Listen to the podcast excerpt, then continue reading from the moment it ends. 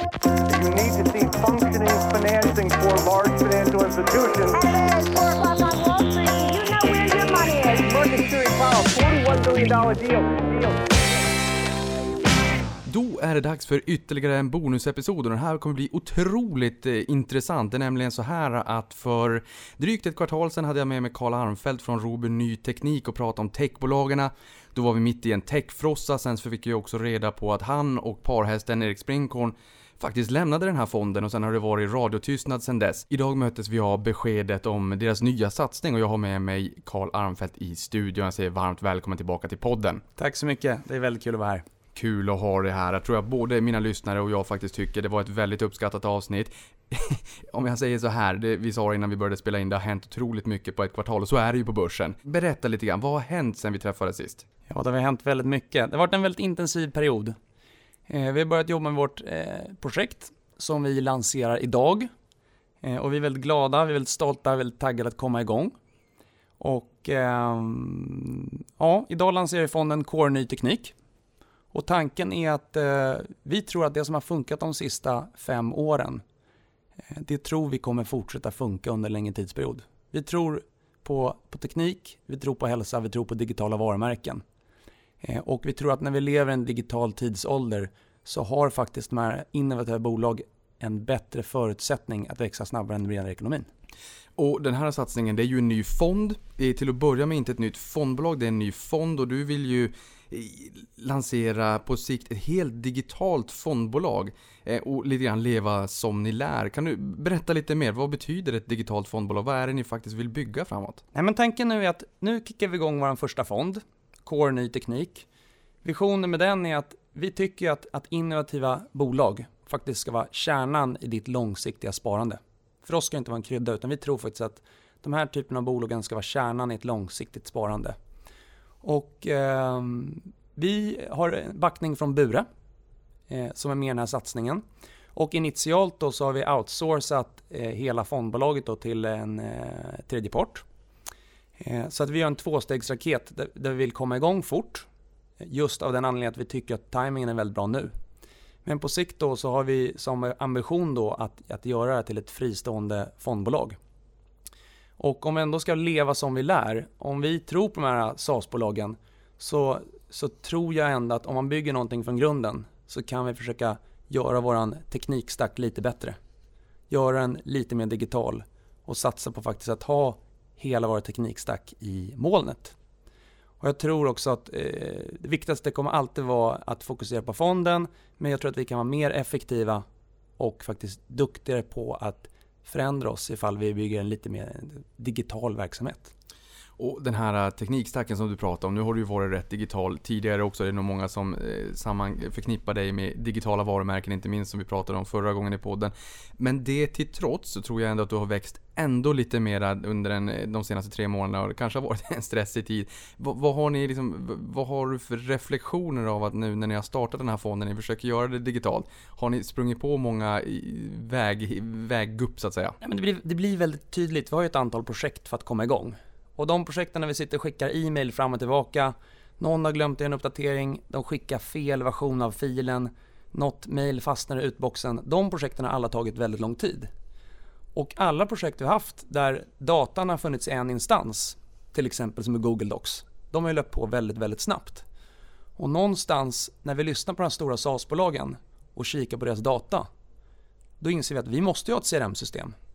Vi måste kunna göra nyhetsutskick. Om vi är ett fondbolag, varför ska inte vi kunna mäta conversion på de som kommer till vår landningssida? Precis som gamingbolagen eller Stillfront gör. Så vi kanske måste tänka lite mer som ett bettingbolag eller ett gamingbolag och bygga något som är effektivt och modernt. Och jag tror också att, att många fondbolag är lite fast i sin struktur. Om du sitter och skickar Excel-listor på backoffice, middleoffice, om det tar två månader att skriva en årskommentar för att alla ska läsa igenom, hur, hur kan det då vara öppen och tillgänglig? Det är väldigt, väldigt svårt. Så att vi ska nog inte ha någon övertro på att vi, vi, vi ska göra något jätteavancerat, men poängen är att om det ändå finns best of breed och om vi ändå tror på bolag som ett Lime som gör CRM eller som ett Fortnox, varför ska inte vi bygga vårt bolag på den tekniken? Det är väl lite visionen. Ja men det låter ju också bra i en tid där det pratas allt mycket mer om skuldsättning så det är bra att ni inte börjar med en digital skuld. Förra gången vi träffades så var, så var vi mitt i techfrossan. Det var en diskussion som var på allas läppar. Den har vi kanske mojnat lite grann nu. Hur ser du på tajmingen att lansera den här fonden precis just nu?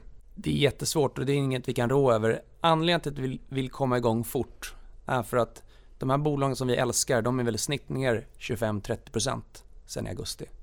Och de här bolagen växer sin ebit med någonstans 20 procentenheter 2019 över 2018.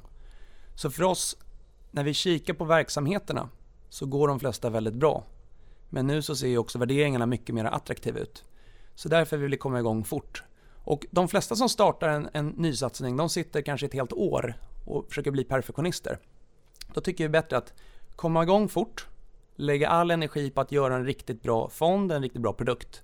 Och sen får vi lösa resten av de här långsiktiga frågeställningarna lite längs vägen. Och eh, så att någonstans är det nästan lite ett 2009 ögonblick för många av de här eh, digitala tillväxtbolagen. Alltså värderingar ser väldigt, väldigt attraktiva ut. Och sen går det inte att veta då första året, kommer börsen gå upp eller kommer den gå sidled?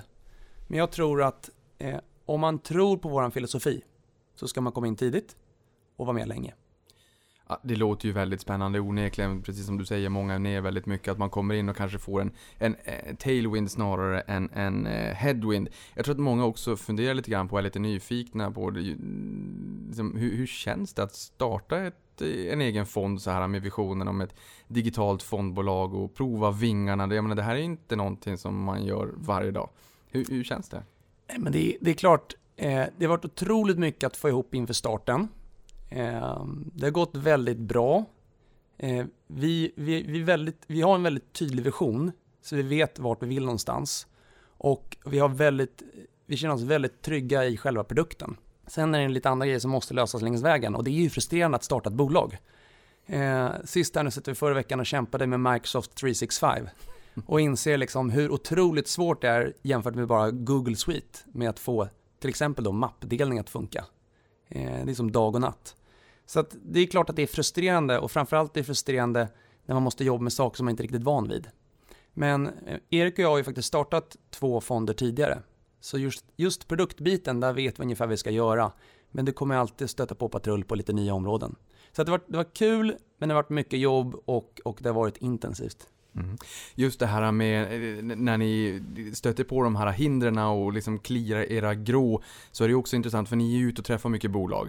Eh, och ni lever ju som ni lär, ni, ni lever i den digitala miljön, ni ser vad som funkar, ni ser vad som inte funkar, som, vilka fördelar det finns och vilka nackdelar det finns. Vi ska förhålla oss till, till fonden, men jag måste ändå bara fråga, ni har ju haft ett vakuum fram till idag när ni lanserar den här fonden.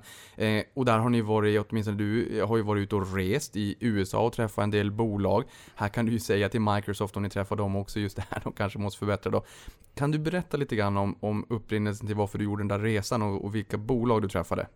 Nej, men jag, många ställer ju frågan då, okej, okay, nu, är lite, nu är det lite stökigt på börsen. Vad kommer hända med alla de här SAS-bolagen? Vad kommer hända med de digitala bolagen? Kommer de liksom krascha och försvinna? Eh, folk blir väldigt dramatiska. Och då kan jag säga att den sista resan gjorde jag till USA då i höstas och träffade de stora SAS-bolagen. Och då var det framförallt då de tre bästa mötena var helt klart Salesforce, Autodesk och Adobe. Och min slutsats därifrån var väl att de här bolagen har all time high i omsättning, all time high i marginal och all time high i kassaflöden. Då skulle väldigt många säga peak earnings. Ja, men poängen är att de är, bygg, de är inbyggda i ekonomin på ett sätt som gör att det går inte att riktigt ta bort de här tjänsterna. För då slutar ekonomin att snurra. Så någonstans så kommer det, det kommer säkert vara volatilitet i aktiekurserna. Men om man tänker lite som Warren Buffett och funderar på fundamentan så ser fundamentan väldigt stark ut för många av de här bolagen. Och vi tror ändå att lever vi i en digital tidsålder så kommer det här att fortsätta. Vi tror att ny teknik kommer att växa snabbare än gammal teknik. Vi tror att om 15 år så kommer faktiskt de som äger digitala tillgångar att ha en större del av välfärdskakan än, än de som har investerat i icke-digitala tillgångar. Så det är en väldigt lång trend. Eh, och eh, det kommer alltid vara stökigt på börsen. Men jag tror ändå att vissa personer har inte riktigt grävt i hur, hur stabila vissa av de här verksamheterna faktiskt är då. Det är en slutsats. Och jag, jag känner att du också är ganska imponerad av de här bolagen efter att ha träffat dem. Jag menar, Adobe älskar jag. Jag använder Premiere till video, Audition till ljud, Photoshop. Man vill göra saker lite finare kanske.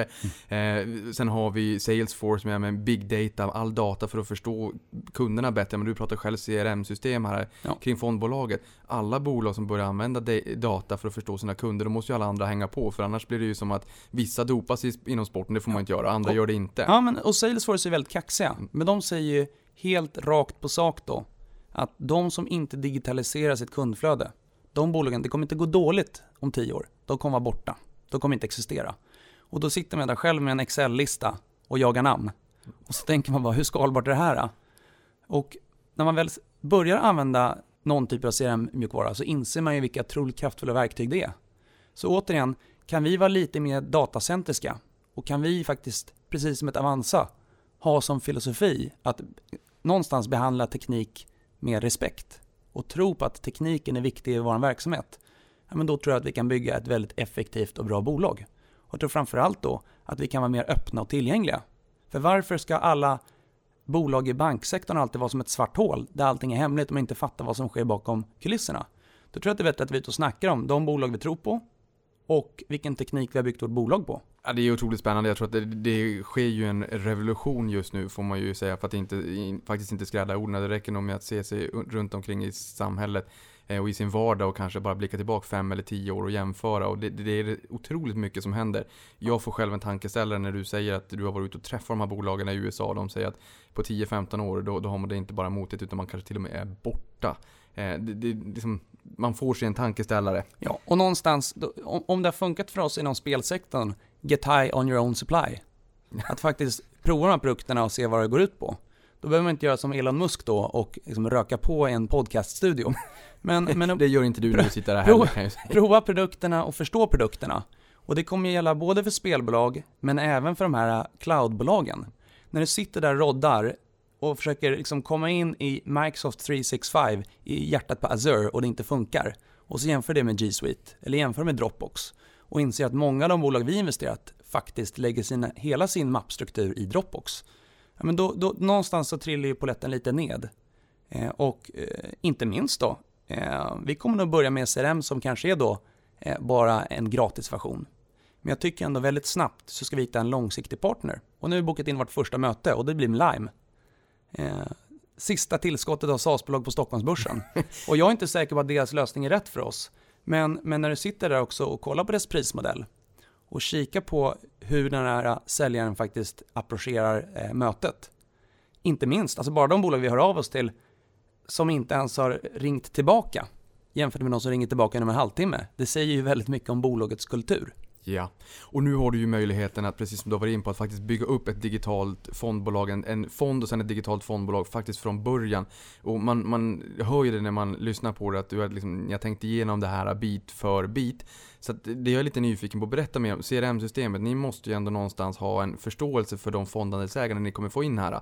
Ni hade 275 000 i den gamla fonden. Det är helt fenomenalt. Jag tänker mig att många som vill följa med på er resa framåt kommer nog hitta till er i den här fonden. Men att inte förstå sina fondandelsägare fullt ut är ju som att elda för kråkorna. Eller att Ja. värma upp ett, ett rum som inte används i kåken. Berätta mer om Nej, men CRM och- Autodesk, Autodesk säger att den industri som har varit sämst på att digitalisera sig, det är byggbranschen. Men någonstans så är fondbolagen ligger inte i framkant. Utan, nej men, eh, och, och, och någonstans så tror jag bara att, att vi behöver inte vara ingenjörer eller overengineer det vi gör. Men kan vi bara bygga ett bolag på den tekniken som vi investerar i, så kommer vi förstå, vi kommer göra ett bättre jobb när vi investerar och vi kun, kommer att kunna vara mer tillgängliga och öppna. Eh, och, och någonstans, något som har funkat bra för oss historiskt, eh, jag tror verkligen på, på öppenhet och tillgänglighet. Vi vill ju ha kunder som är engagerade och vi vill till och med ha kunder som ibland hittar case åt oss. Och det har ni ju också haft. Och det har vi haft. Mm. Men då måste vi kunna ha en hemsida där vi faktiskt kan skriva om vilka bolag vi har träffat och kunna publicera det fort. Så, att, så, så någonstans eh, kan, vi, kan vi ha en bra teknikstack. Har du en dålig teknikstack då blir det liksom en ocean, det blir som Atlanten mellan dig och kunden. Då tror jag att vi kan bygga något som är mer tillgängligt och det tror jag att kunden kommer känna. Någonting som du också pratade om här på morgonen när ni släppte presentationen är ju GAS och SaaS-bolag, alltså Gaming as a Service och Software as a Service.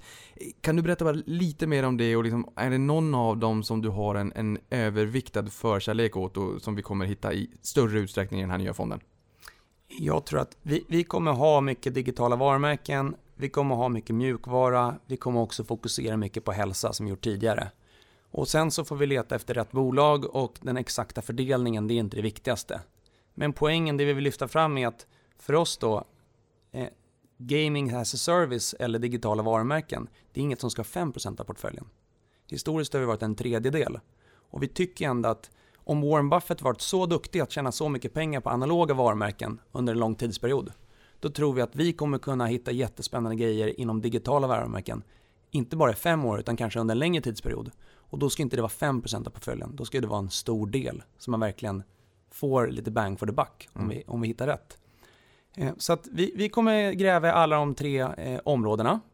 Och generellt, det är en innovationsfond. Och innovation är ett gammalt, ganska liksom, brett begrepp.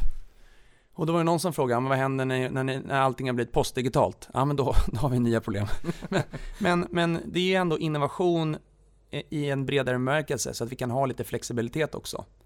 Men det det kokar ner till att det är oftast ett bolag som har ett patent inom hälsa.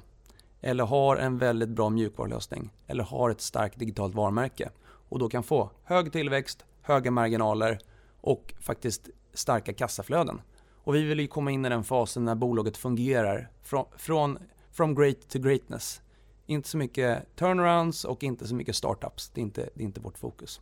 Kommer ni eventuellt att vara med i, i någon form av liksom, som ankarinvesterare så att ni får in eh, ett bra kapital i fonden? Kommer ni likt tidigare att kunna vara ankarinvesterare i, i, i vissa introduktioner? Eller kommer vi se den typen av investeringar? Kommer vi se onoterade investeringar som ni hade några stycken? Hur ser ni där? Jag tror första fonden så kommer vi nog inte göra onoterat det första året. Det kommer ännu mer fokus på lönsamma bolag och på eh, bolag som är på börsen. Däremot så tycker jag att vi ska kämpa för att få fler duktiga entreprenörer och fler bra bolag till börsen. Så definitivt ska vi försöka vara ankare och hjälpa de bästa bolagen till börsen. Och eh, det är väl det som kommer vara svårt nu i början, är att det är en liten fond och eh, vi måste vara ute och prata om vår vision så att vi i alla fall kommer upp i en sån storlek så vi kan vara en relevant motpart. Och då behöver inte fonden, fonden vara gigantisk, men vi måste ändå ha en storlek som gör att vi kan fortsätta göra det vi gjort historiskt.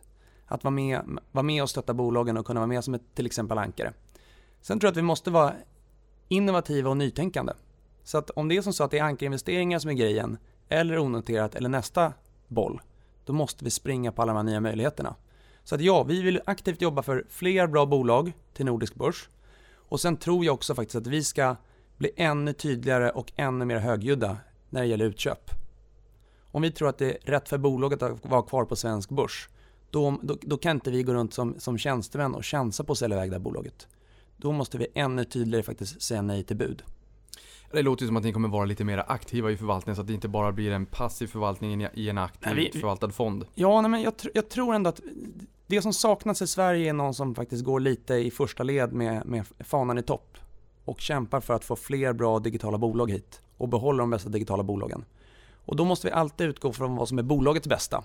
Så vi kan inte bli eh, helt... Eh, vi, vi måste ändå se till aktieägarna och bolagets bästa. Men det, med det sagt, bara för att det är en aktiefond så måste du inte kolla på daglig avkastning.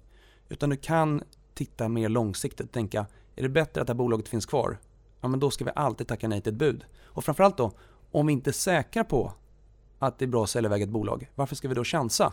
Och ta då ett exempel. Lego ägs fortfarande av danskar. Och Minecraft ägs av Microsoft. Det känns lite dumt, framförallt när ett bolag som, är, som var lönsamt inte band särskilt mycket kapital och som kunde ha tagit steg 2, 3 och 4 även som, som ett fristående bolag. Så, så där vill vi ändå kämpa lite, vara ännu mer tydlig med att vi vill kämpa för att behålla de bästa bolagen i regionen. Ja, och det där är ju någonting som ni även eh, visar i presentationen, just också det här med att eh, vi, vi kanske inte har enormt många digitala bolag i Europa, vi har ganska många ändå i Sverige, men vissa knycks ju av andra aktörer. Här vill ni gå med fanan i topp och säga nej till bud och liksom försöka behålla de här och vidareförädla bolagen. Eh, en kort fråga bara, varför har vi det så utmanande i Europa att leverera riktigt stora digitala varumärken? Nej, men företagen sker i kluster. Och det starkaste företagsklustret som finns är ju Silicon Valley. Så att det är just därför, försvinner bara ett bolag från ett starkt kluster, så kanske det ritar om kartan. Men när vi är ute och gräver de här minsta nu, så ibland blir vi lite då förvånade över hur många små bolag som faktiskt finns. Om man ställer sig då frågan då, de som blir inspirerade av Minecraft eller Notch, de som blir inspirerade av Spotify och Daniel Ek, det kommer ju komma en hel drös med sådana här entreprenörer som bygger fantastiska fina bolag. Och då tror vi ändå att kan vi kämpa lite mer för att behålla de här, så länge det är rätt för bolaget, så kommer det öka sannolikheten att vi får fler framgångsrika bolag. Det är någonstans så sker det ändå.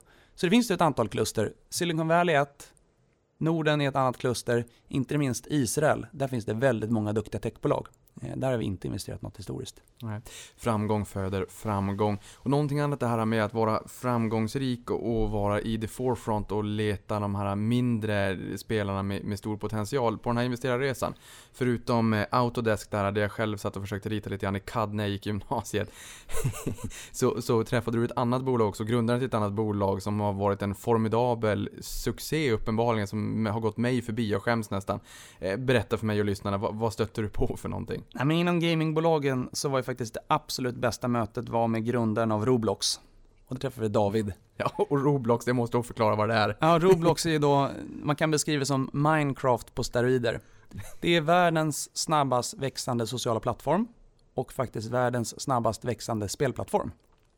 Så det är en, en legovärld där, eh, som framförallt eh, vänder sig mot en ganska ung målgrupp.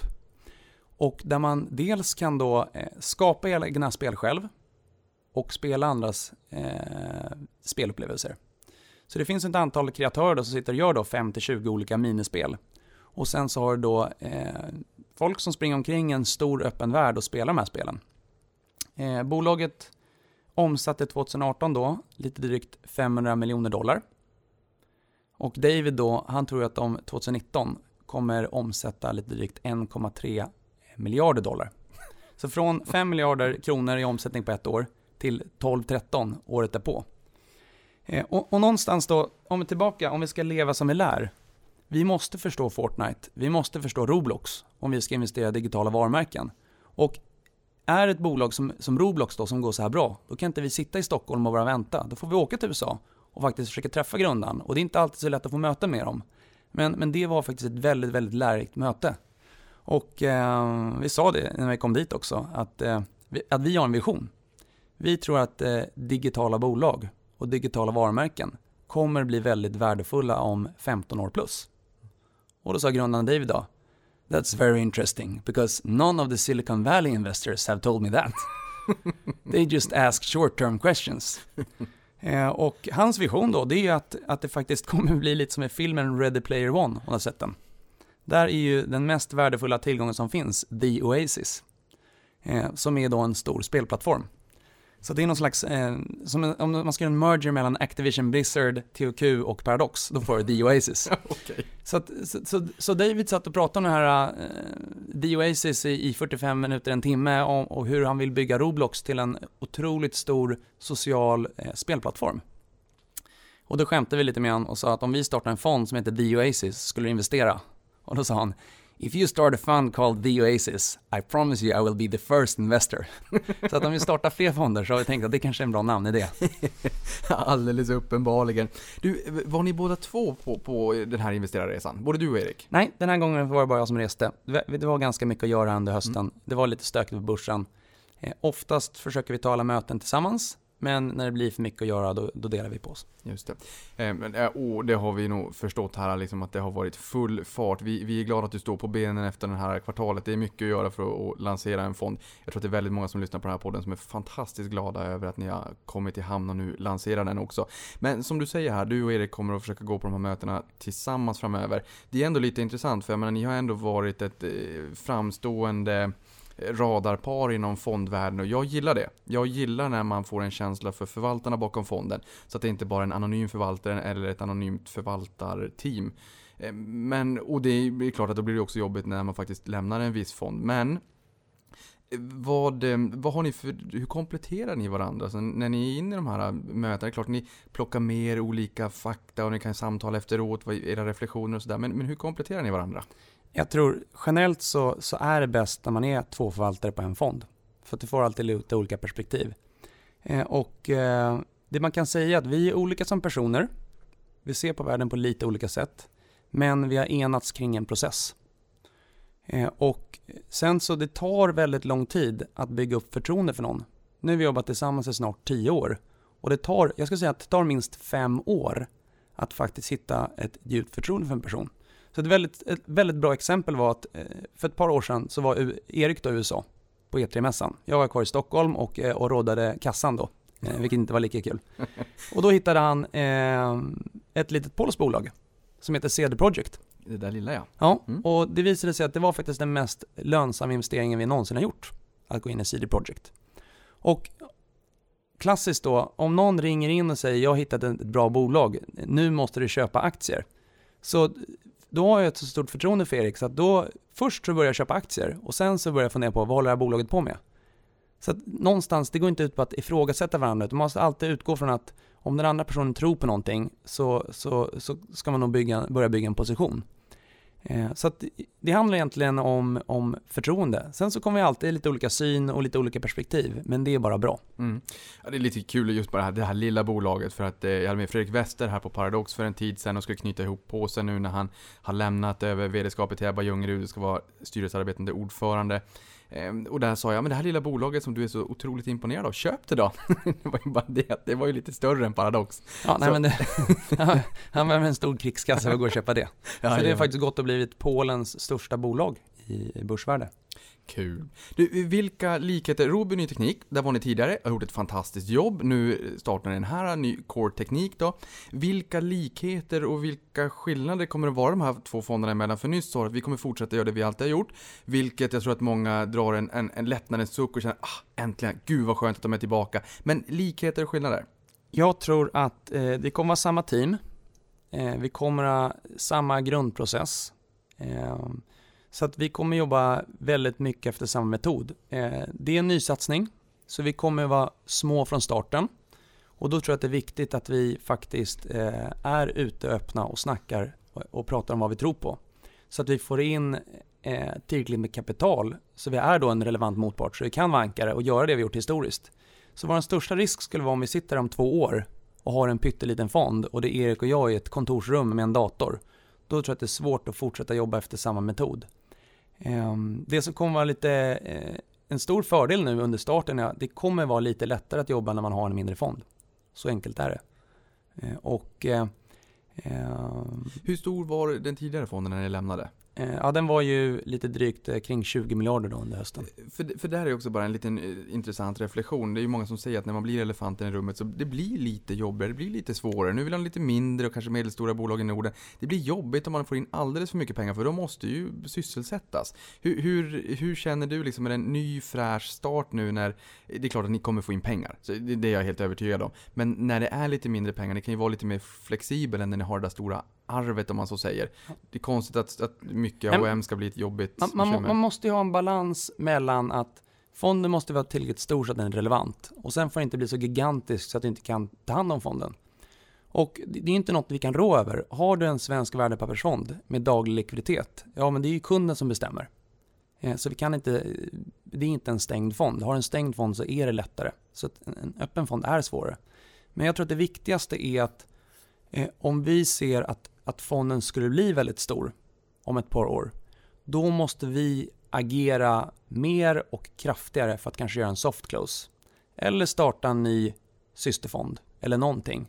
Så jag tror inte bara att vi kan gå runt och, eh, och ändra vår investeringsprocess bara för att fonden, om den skulle då bli för stor.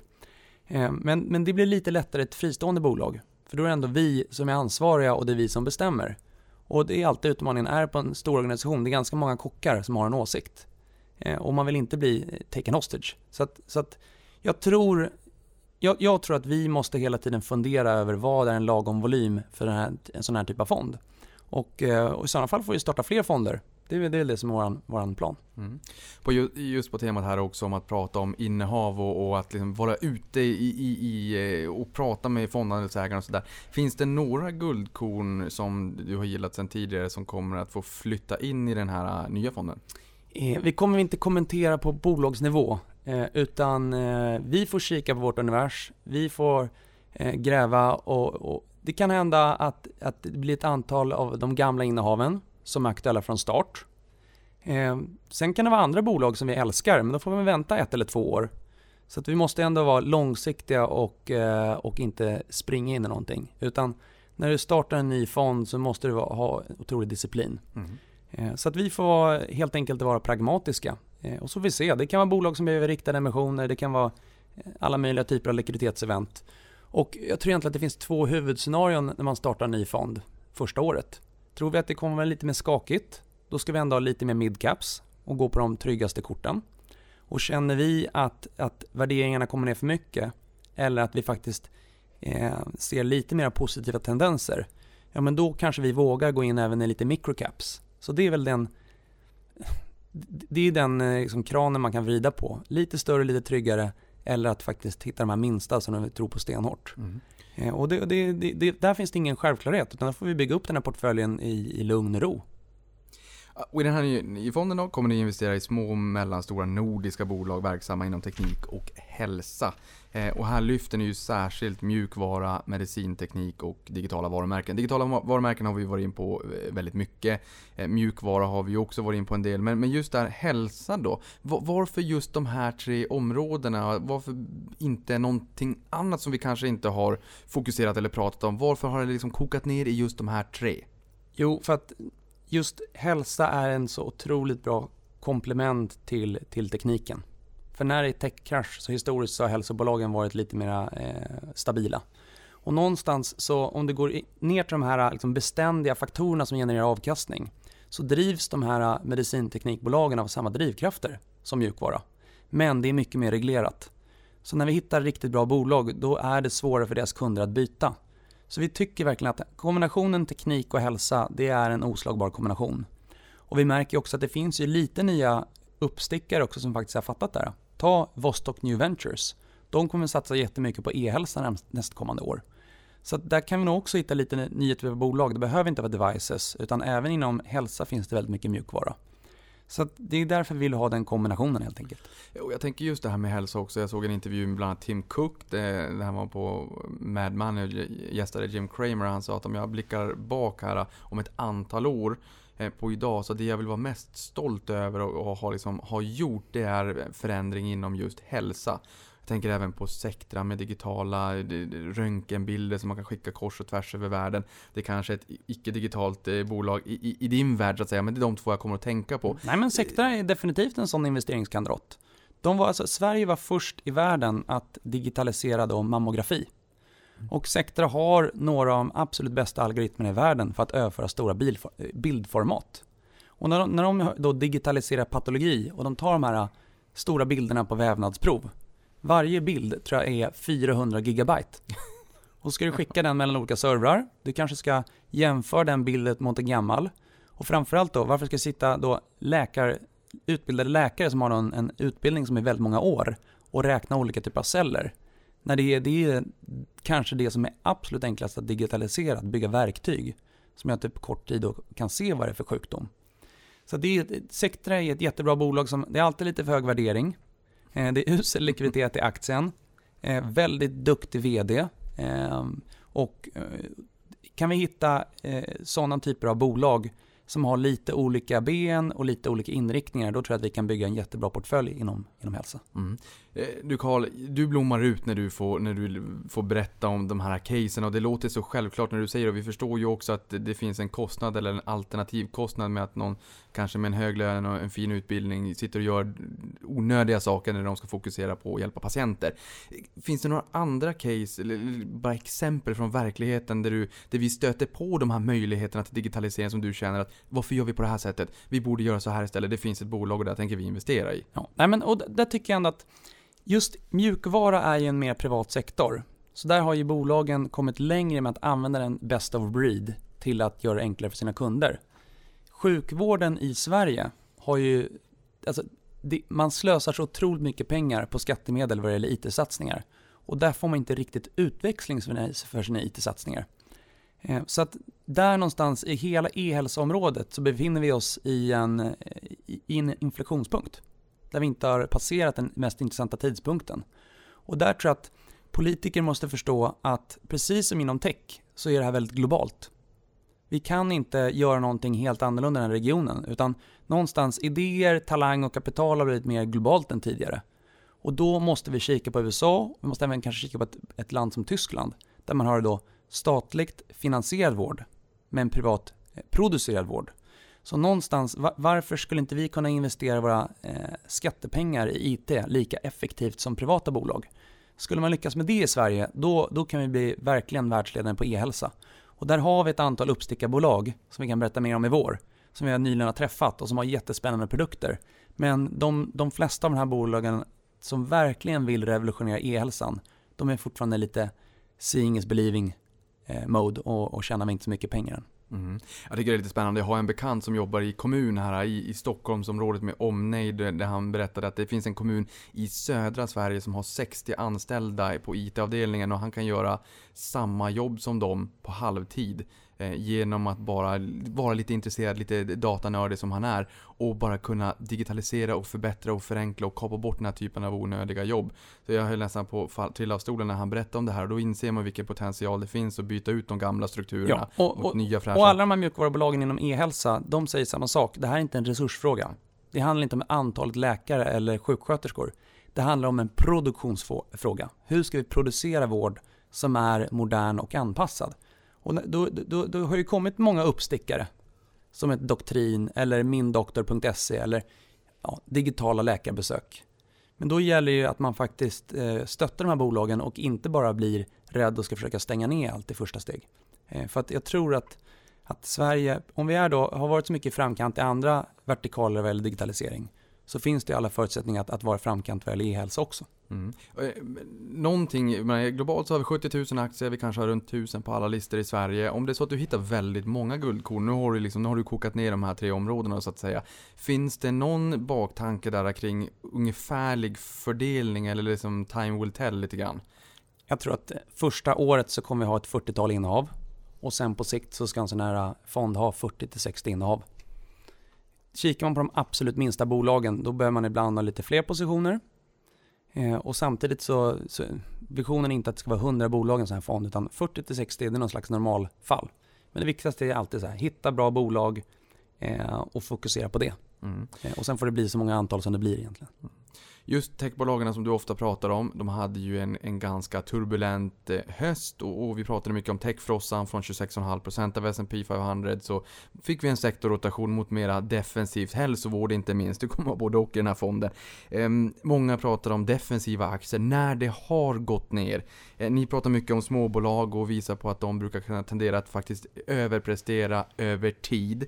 Eh, varför investera i småbolag? Vad är det som gör dem så intressanta? Vi förstår säkert att de har potential att växa mer, men utifrån med dina egna ord, varför är det så pass mycket mer intressant att investera i småbolagen om man är långsiktig? För att eh, i, i de flesta regioner har varit en evig sanning att små bolag går bättre än stora. De är mer entreprenöriella. De har ofta en VD eller grundare som är stora aktieägare, så det är pilotskolan. När man träffar dem blir det så tydligt, för att de, de brinner verkligen för att göra ett bra jobb och de vill verkligen skapa någonting. Och det är inte alltid man ser det i storbolagen, utan det är mer tjänstemannastyrt. Sen oftast när vi kommer in i ett bolag så är vi första institution. Oftast är det noll analytiker. Och, och någonstans kan det komma in i ett bolag som fungerar och som är väldigt välskött, men du har ett stort tidsvärde. Då märker vi att tidsvärdena i småbolag är större än, än stora bolag. Och då gäller det bara lite is i magen och bygga en bra portfölj och sen våga vara långsiktig och ha ett bra temperament. Så att, och de, de sanningarna tycker vi, de är väldigt eviga för oss. Vi tror att det kommer, om det har funkat i 100 år i både USA och Sverige, varför kan det inte funka i alla fall 15 år till då? De enda regionerna där det inte funkat med småbolag, det är till exempel Sydkorea. Länder där man har dålig corporate governance, så tenderar små bolag att gå sämre än stora. Just för att vinsterna går inte till aktieägarna och det är stora konglomerat. Där i inom mystiska ägarsfärer så är det några underleverantörer som gör hela vinsten. Som ett, ja, Samsung och många av de här bolagen. Det är otroligt svårt att rådda i de här konglomeraten då. Så att, eh, vi, vi tror ändå på småbolag eh, och det, det tror jag att många småsparare håller med om. Eh, och sen gäller det att hitta den här balansen. Ibland får man inte heller glömma att det är inte bara bolag under en miljard i börsvärde. Utan när det blir som kanske då ett Elekta för tio år sedan, där market cap är 2, 3, 4 miljarder, så är också resan från 2 miljarder till 20 kanske den mest attraktiva. Så att det är småbolag och mellanstora bolag som blir vårt huvudfokus. Och sen ska man vara beredd på att vi kommer alltid ha tre, fyra stora bolag, bolag i portföljen också. Det är en dagligt handlad fond och det vi inte får glömma är att om vi springer på Tencent och inser att det är helt felvärderat, ja, men då ska vi, vi ska inte slänga ut bolag, eh, vi ska alltid kunna ha några large caps också. Mm. Jag tycker det är intressant. Vi var i Sydkorea i, på en investerarresa här i höstas och då fick vi lära oss också det här med att det är, det är svårt att göra affärer där. Det, det, ja, hela näringslivet mer eller mindre ägs av fem stycken stora ägarfamiljer. Vi åkte över till Hongkong, träffade Meda Samant på Fidelity och hon berättade om att de har i princip en, ett av världens sämsta corporate governance. Så det är Ja. intressant också att du berättar om det, att där funkar inte riktigt med småbolag. På, på tal om det, eh, småbolag. Hur, hur små kan, kan innehaven vara? Jag menar, du pratar lite om microcap också. Om du hittar något riktigt intressant, hur, hur långt ner kan ni gå liksom, när det kommer till intressanta guldkorn? Ja, sweet spot är oftast 1-20 miljarder i börsvärde. Men vi måste ju vara eh, pragmatiska, så träffar vi ett bolag som har 3-4-500 miljoner kronor i börsvärde och vi verkligen tror på bolaget, ja men då, då ska vi också kunna vara med där. Men samtidigt då så måste vi ställa, det, det är alltid högre riskfaktor de här minsta bolagen. De är kanske inte lika välskötta, de är inte lika bra på rapportering. Så att när det blir de här minsta, då ska de också, positionsstorleken ska ju reflektera då risken i bolaget. Ja men det är intressant för jag vet eh, ägartjänsten Holdings har ju också visat på en hockeyklubba där att runt 800 miljoner då, då brukar man få se institutionella eh, kapitalet gå in och man brukar få se multipel expansion. Ni Exakt. har- Vi ska faktiskt gå bort och träffa Holdings här nästa vecka just Okej. för att de har mycket data och ska vi vara Ja. datacentriska då ska vi fundera på vad är den här inflationspunkten? Är den 5 miljarder eller 1 miljard? Ja, Så att jag, eh, ofta skräms ju institutioner bort när det är dålig likviditet i aktien. Och då, då ska vi fokusera på eh, affärsmodellen och inte på likviditeten när vi hittar ett bolag. Men du, då blir jag lite nyfiken på, jag menar, du har jobbat länge i branschen, det har Erik också, ehm, och, och ni har varit en, en del av en stor organisation. Men det, det är klart att man blir lite styrd, ni har liksom era placeringsmandat och sådär, ni lyckas väldigt, väldigt väl i alla fall. Men, men vilka utmaningar har man haft tidigare? Och inte liksom att prata om, om Robur specifikt, utan snarare på ett stort bolag i en vanlig stor fond kontra de, den flexibiliteten ni nu kan ha, ja, om ni håller reglerna på rätt sida så att säga, nu när ni är era egna, när ni har lite mer att säga till om. Vilka reflektioner och lärdomar kan ni dra nytta av i den här nya fonden? Alltså, jobbar man på ett stort bolag så framförallt, man sover bättre. Det är den första reflektionen. Men, men om man tittar på fondbranschen specifikt så är det ofta de här fristående som Didner och Gerge eller Lannebo som har ly- lyckats bäst över sikt. Så jag tror ändå att det är den bästa modellen för att göra ett bra jobb över en lång tidsperiod. Det är att vara fristående. För då måste vi leverera bra produkter. Vi äger ingen distribution, utan vi är ett produktbolag. Sen kommer vi kunna ha en del direktkunder, men någonstans så måste vi göra en bra produkt för att kunna finnas kvar. Eh, och då, då ökar sannolikheten att vi gör ett bra jobb tror jag. Kan du berätta någonting om vissa innovativa bolag ni kommer ha i fonden som ni är nyfikna på? Eller kommer det liksom ge sig framåt? Ni berättar lite mer om det här eh, efter att ni har varit igång ett tag. Det kommer ge sig framåt, eh, men jag tycker som tidigare att vi ska berätta om de bolag, de bolag vi tror på och varför vi investerat i dem. Att vara öppna, öppna och tydliga. Och framförallt då, som du säger, gör det tydligt för, för våra kunder vad man får om man investerar i fonden. Och sen så om man jämför återigen med hela branschen, det finns ju väldigt många duktiga techinvesterare i Silicon Valley. Men jag tycker ändå att om vi kan vara här i Stockholm och investera i teknik och innovation, både i Norden och globalt, men göra det med ett nordiskt perspektiv. Mer fokus på kassaflöden, mer fokus på lönsamhet och inte köra den här tam, tamsvängen som alla eh, västkustinvesterare i USA kör. Jag tycker ändå att det är en väldigt attraktiv modell, både för kunder här i Sverige, men även ute i Europa. I och med att Sverige är, och Norden är ett teknikunder, så varför ska det inte finnas en fond som någon som sitter i Frankrike eller i Storbritannien eller i något annat land i Europa faktiskt kan investera i. Och, och där kommer vi, eh, jag, jag tycker ändå att, att nordiskt pers- perspektivet är väldigt attraktivt och det har vi inte riktigt nått ut med det budskapet utanför Sverige tidigare. Nej.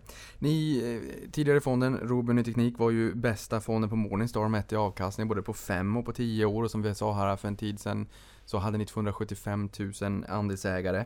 Eh, många kom med investeringscase åt er, vilket låter alldeles underbart och att ni faktiskt också lyssnade på det. Vissa av innehavarna i fonden kom till och med från kunderna, så att det, det gick till och med från eh, ax till limpa. Du pratar om att ni vill på, på sikt lansera liksom ett digitalt fondbolag. Hur, hur, hur ska ni kunna bibehålla eller till och med förbättra dialogen med fondandelsägarna för att vara det här öppna? Kommer ni blogga kring vissa innehav? Kommer ni liksom försöka vara med i rörligt material i podd? Eller hur, hur, hur förbättrar ni en upplevelse och gör den mer digital för att vara närmare era fondandelsägare? Jag tror alla bolag som har en bra teknikstack och alla bolag som faktiskt kan visa sin teknikstack på en slide, som ett Levegas. de, de kan vara mera eh, öppna och de kan vara eh, mer närvarande och närmare sin kund. Så det är egentligen eh, svaret på frågan. Sen så är det alltid en utmaning då att vi vill ju, alltså vi investerar ju i bolag. Vi är inte spekulanter. Eh, vi försöker vara mer långsiktiga, men det kommer alltid finnas aktier som är hypade från tid till annan. Och samma sak, det är också utmaningen om du har en fond som har gått bra. Vi vill ju ha kunder som investerar i fonden och inte spekulerar i fonden. Och alla tidsperioder när man får stora inflöden och sen plötsligt stora utflöden, det kan ju vara lite frustrerande ibland. Men då tror jag att om vi kan vara öppna och förklara för fler personer vad den här produkten går ut på, då kommer de förstå vad vi gör och då kommer de tillåtas vara mer långsiktiga. För jag tror att kommer en radiotystnad för att ett bolag bara skickar en kommentar i kvartalet, ja men då, då, då känner ändå magen att eh, vad är det som håller på att ske? Vi fattar inte vad som händer. Och då tycker jag att det handlar inte om att vi ska eh, sitta och göra en uppdatering varje dag. Det handlar om att vi ska ha en genomtänkt och öppen filosofi i bolaget. Mm. Eh, nu har ni ju en, en annorlunda och modern struktur på det här nya fondbolaget. Eh, fonden ni lanserar. Vi har inte ens pratat om namnet än. vad, vad heter det här fondbolaget så att jag inte säger fel? TIN Fonder. TIN Fonder. Och eh, det är för att vi tror på teknik, vi tror på innovation, vi tror på Norden. Då blev det TIN Fonder. Eh, det är namnet på satsningen. Eh, och eh, jag tror att om vi sitter om tre fyra år så ska inte vi ha en fond. Jag tror inte heller vi ska ha tio fonder. Men vi kanske kan jobba som ett Tesla, vi kanske kan ha tre fonder. Så vi ska starta få fonder som vi verkligen tror på långsiktigt. Men jag tror ändå att det är större risk om man sitter där om fem år och bara har en produkt. Mm. Eh, så att kan vi hitta andra team och eller kommer vi på idéer som vi verkligen tror på långsiktigt, då, då ska vi också eh, vara, vara nytänkande och försöka hitta nya goda produktidéer. Mm. Till skillnad från Tesla så ni kanske också har haft lite production hell de senaste månaderna för det är mycket att göra för en sån här ny satsning. Men ni har ju inte riktigt logistics hell. Därför Nej, att den här kan man ju redan investera i va? Ja, den finns redan på, på eh, Avanza, Nordnet och på SE-banken kul. Jag tror att få med dig bara nu när du uppviglar kring Tesla där. Du har ju pratat lite om Tesla i den där podden också här för en liten stund sedan.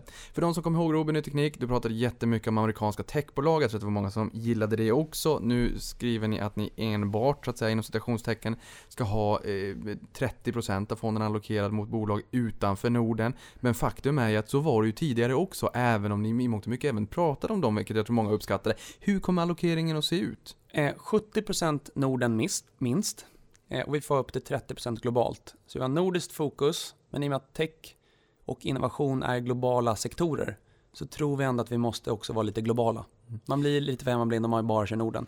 Så att precis som tidigare så ibland när vi åker och träffar de största techbolagen i USA så är det att förstå vad som sker, förstå teknikutvecklingen. Och sen kanske det kan hända i undantagstillfall att vi äger lite aktier i ett large cap. Mm. Men då är tanken att vi tar den informationen från Adobe, från Salesforce och funderar på vad finns det för liknande bolag i Norden? Ja, men i och med att den här siffran är lik, likvärdig med så som det var tidigare, Innebär det att det kommer att vara mer eller mindre eller likvärdigt fokus på exempelvis amerikansk tech? Även om det är de nordiska guldkornen du pratar om som ni vill identifiera. Men ni har ju ändå möjlighet att välja 30% allokering utanför Norden. Ja, men de, de icke-nordiska bolagen historiskt har varit något som har varit en stark bidragsgivare. Och då ska vi fortsätta att, att, äh, att även kika lite utanför Norden. Men vi ska inte heller tro att vi kan åka runt hela världen och göra jättebra investeringar i alla länder. Utan då kör vi nordiskt fokus och eh, utöver det då 30% globalt. Och när ni tar någonting globalt, jag menar vi, vi har ju den här eh, tre bolagen, Apple, Microsoft och Amazon. Varje ett och enskilt av de här bolagen har ett eh, börsvärde som överstiger hela Stockholmsbörsen. Om ni investerar i utländska bolag, ta amerikanska exempelvis, kommer det vara liksom de stora bolagen eller megacaps eller kan ni till och med gå in på lite mindre techbolag utanför Norden om ni ser er om utanför? Om, om sweet spot i Norden då är 1-20 miljarder Ja. börsvärde, då brukar vi hamna på 10-50 miljarder i utlandet. Just för att de minsta bolagen så det är lättare att göra ett misstag när du sitter långt ifrån dem. Men vi ska inte investera i megacaps utan kan vi hitta lite mindre CRM-bolag eller digital hälsa eller dataspelsutvecklare som är då midcaps. Eh, jag tror lite större bolag utanför Norden men det kommer ändå vara små bolag med framtiden framför sig. Så Mm. inte de här fangbolagen där, där alla passiva indexfonder i hela världen har liksom stackat in eh, miljarder med kapital. Nej. Eh, om vi blickar tillbaka på eh, ert tidigare jobb, eller snarare blickar framåt därefter så att säga. Ni genererade makalösa 18% om året i 5 år och 25% om året i 10 år. Det är eh, ganska nära Peter Lynch 29% under 13 år på Fidelity Magellan. Det går inte att säga någonting annat än att det är ren och skär världsklass. Eh, Det kanske också visar på vilken strukturell tillväxt det faktiskt finns i den här typen av bolag. Du sa det nyss om 10-15 bolag så har inte bolagen problem, de kanske till och med är borta om de inte har adapterat till det digitala. Eh, hur kommer ni se till att ni liksom, eh, sätter repris på, på den här resan ni har haft i ryggen nu? Liksom att göra om samma resa framåt i den här nya satsningen? Jag tror att vi har, vi har rätt förutsättningar för att göra ett bra jobb. Jag tycker vi har rätt struktur för att göra ett bra jobb. Jag tycker vi har rätt, rätt fokus. Och sen så får utfallet bli vad det blir. Och det viktigaste är att vi öppnar och försöker förklara vad vi investerar i och varför vi gör det. Eh, så att det inte blir för många spekulanter som bara investerar i någonting för att det har gått upp. Så att det kan hända att den historiska perioden var unik i avkastning. Men jag tror inte att den var unik i drivkrafter. Så att kan vi fortsätta med det fokus vi haft så finns det nog ett, en bra förutsättning att, att den här typen av fond kan generera en bra avkastning mot en bredare fond. Det, det är det vi tror. Och sen så ska inte vi spekulera i hur det kommer gå på ett enskilt år eller, eller om Eh, vad det blir för avkastningssiffra, för det går inte. Nej men det är ju också intressant för jag menar avkastningen är ju alltid relativ och som man inser när man lyssnar på det så, eh, så är du ju övertygad om att avkastningen i det här, de här segmenten i det digitala kommer att överprestera eh, den avkastningen som man kan få på börsen i stort. Alltså det här är, det här är spännande områden framåt helt enkelt, det har vi ju förstått. Hur kommer ni att jobba med, med fonden? Blir det sena kvällar i Excel-arken? Blir det mycket bolagsbesök? Kommer ni att besöka mässor? Du nämnde E3-mässan. Jag menar, om den här podden är eh, ett sätt för mig att bjuda in bolag och, och skjuta ut den inspirationen till Kiruna, Ystad, Trelleborg, runt om i, i hus och hem. Så vill vi ju att du är förvaltaren, du och Erik, som att ni är vår förlängda arm och, och liksom gör jobbet åt oss där ute på fältet. Hur kommer ni jobba? Mm. Nej, men det heliga för oss är bolagsmötet. Där ska vi lägga så mycket tid vi har. I snitt träffar vi då historiskt minst 500 bolag om året. Och nu har jag sagt att vi ska träffa minst 400 bolag om året. Så vi kommer lägga all tid på, på bolagsmötet.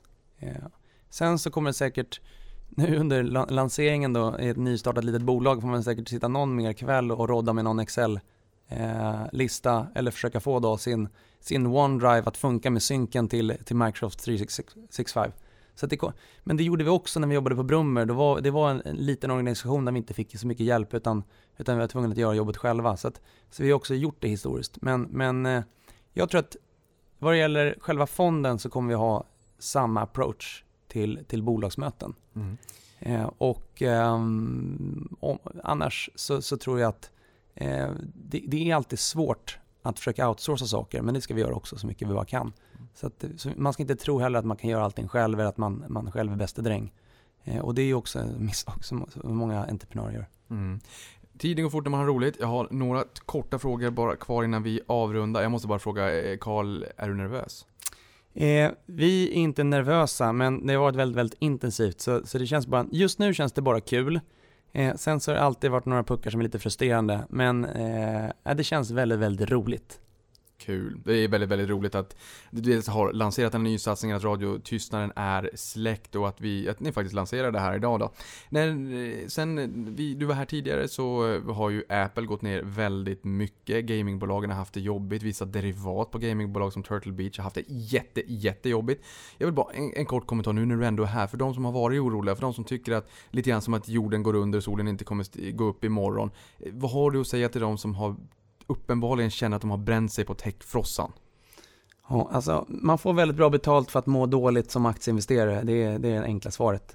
Eh, så att eh, man får försöka vara långsiktig. Eh, man kan kolla på, på Warren Buffetts eh, första videointervju som han gjorde på, på YouTube.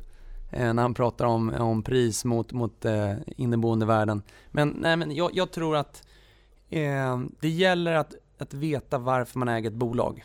Man får inte vara spekulant. Du måste vara investerare.